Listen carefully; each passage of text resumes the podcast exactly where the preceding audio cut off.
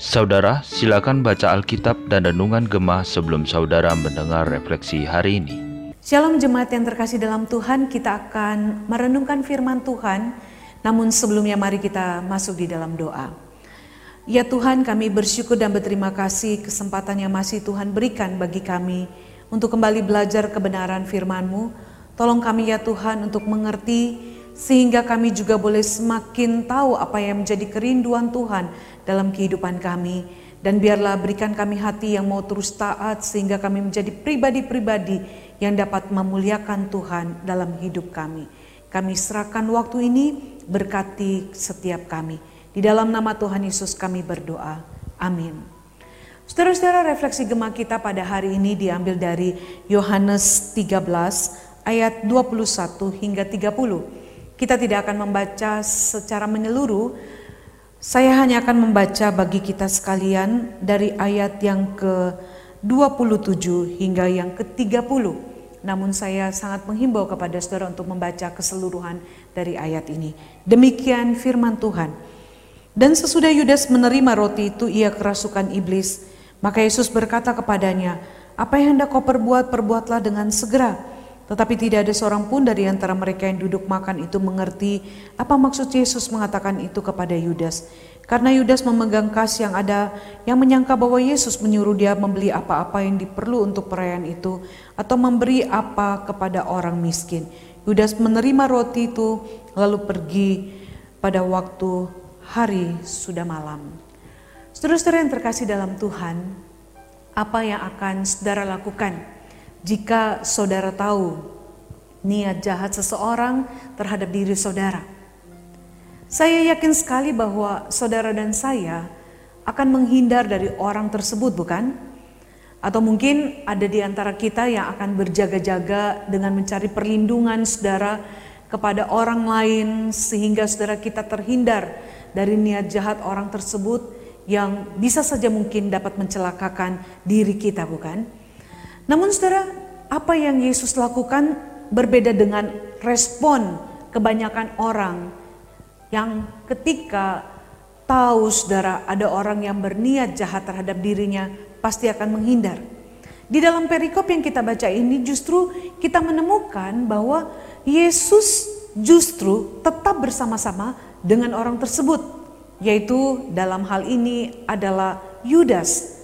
Saudara, Bahkan Yesus bukan hanya sekedar berada bersama-sama dengan orang tersebut, namun jika kita melihat uh, ketika dari awal Yudas menjadi murid Yesus, Yesus sebenarnya sudah tahu apa yang ada di dalam hati Yudas. Yesus sudah tahu apa yang menjadi niat jahat daripada Yudas. Yesus tahu segala sesuatu apa yang ada di dalam pikiran Yudas, kelicikannya, bahkan dia nanti yang akan mengkhianati Yesus, saudara. Namun di sini saudara kita menemukan bahwa Yesus tetap dengan tulus dia mengasihi Yudas. Bahkan saudara kasih Yesus kepada Yudas sama sekali tidak pernah berubah. Yesus tidak pernah tergoyahkan kasihnya terhadap Yudas. Kita melihat bagaimana Yesus tetap memperhatikan, mengasihinya sama dengan murid-murid yang lain.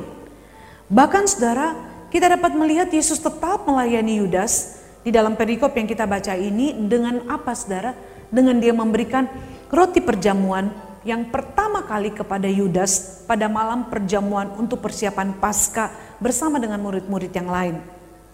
Dan saudara, tindakan memberikan roti yang sudah dicelupkan pada saat perjamuan Paskah ini biasanya itu akan dilakukan oleh tuan rumah bagi tamu kehormatan. Jadi di sini kita bisa melihat bahwa Yesus memberikan satu kehormatan kepada Yudas saudara. Yang padahal Yesus sudah tahu apa yang ada di dalam hati Yudas dan apa yang sedang direncanakan oleh Yudas. Namun di sini kita melihat bahwa Yesus tetap melakukan hal itu dengan penuh kasih. Maka di sini kita bisa mengambil kesimpulan bahwa tindakan Yesus yang memberikan roti pertama kali kepada Yudas untuk menunjukkan kepada Yudas bahwa Yesus tetap mengasihinya dengan sungguh. Bahkan saudara, di sini kita melihat bahwa Yesus masih memberikan kesempatan kepada Yudas untuk berbalik kembali kepada Yesus. Akan tetapi saudara, dari bagian yang kita baca tadi kita melihat bahwa hati dan pikiran Yudas telah dikuasai sepenuhnya oleh iblis. Sehingga saudara, dia tidak saudara memberikan respon yang positif terhadap apa yang telah Yesus lakukan kepada dirinya.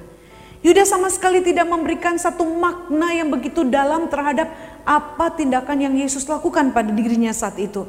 Seharusnya saudara Yudas menyesali atau Yudas merasa bahwa dia sudah tidak melakukan hal yang berkenan atau dia telah tidak membalas kasih Tuhannya.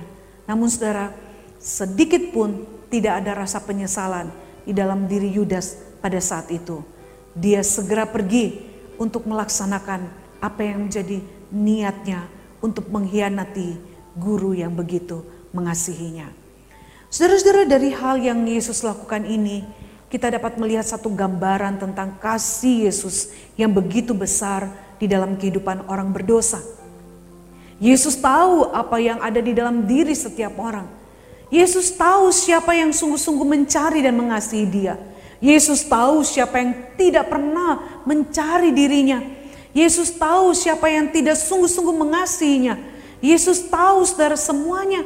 Namun apakah saudara Yesus berubah kasih kepada orang-orang berdosa seperti saudara dan saya? Sama sekali tidak saudara. Yesus tidak pernah berubah kasihnya terhadap saudara dan saya. Sekalipun Yesus tahu betapa sering kali kita adalah orang-orang yang hampir sama seperti Yudas yang tidak pernah sungguh-sungguh mencari Tuhan atau yang mau hidup untuk Tuhan. Namun di sinilah kita melihat betapa besarnya kasihnya kepada kita bahkan sampai dia rela mati untuk menyelamatkan kita, orang-orang berdosa. Itu sebabnya saudara, sebagai orang yang mengaku percaya kepada dia, sebagai Tuhan dan Juru Selamat di dalam kehidupan kita. Maka seharusnya saudara, kita belajar untuk benar-benar saudara, memberikan hati dan pikiran kita, seluruh kehidupan kita, untuk mengasihi Yesus yang telah mengasihi kita terlebih dahulu Jangan sampai kita hanya sekedar terlihat sebagai orang yang mengasihi dia. Namun saudara, Yesus tidak pernah menemukan kasih yang sesungguhnya di dalam hati kita, pikiran kita, dalam hidup kita. Mari kita saudara belajar dari apa yang telah kita renungkan pada saat ini. Untuk merefleksikannya ke dalam kehidupan kita dan bertanya, apa yang telah kita lakukan untuk membalas kasih Yesus? Adakah kasih yang juga tidak akan pernah berubah yang kita akan berikan kepada Yesus? Ataukah kasih kita hanya sebatas ingin menerima keselamatan namun tidak sungguh-sungguh mau hidup di dalam keselamatan itu?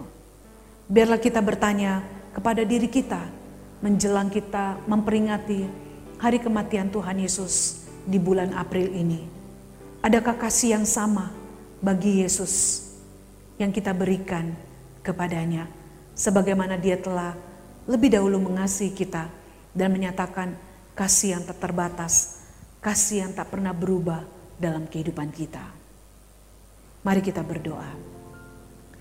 Tuhan ampuni kami Tuhan, jika sebenarnya Yudas juga ada di dalam diri kami di mana kami hanya sekedar ingin mencari keuntungan ketika mengikuti Engkau ya Tuhan.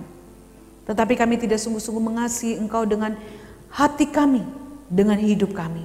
Ampuni kami. Kami mau Tuhan agar kami boleh kembali berbalik untuk mengasihimu sebagaimana Engkau mengasihi kami. Kami mau membalasnya dengan hidup taat dan setia kepadamu Tuhan. Sehingga ya Tuhan, namamu dapat dimuliakan melalui kehidupan kami. Karena itu tolong kami Tuhan, untuk kembali dapat merasakan kasih-Mu yang besar dan membalasnya dengan mengasihi-Mu dengan sungguh. Ini kami Tuhan, di dalam nama Tuhan Yesus kami berdoa, memohon pertolongan-Mu. Amin. Demikian refleksi gema kita pada hari ini. Tuhan Yesus memberkati saudara sekalian. Amin.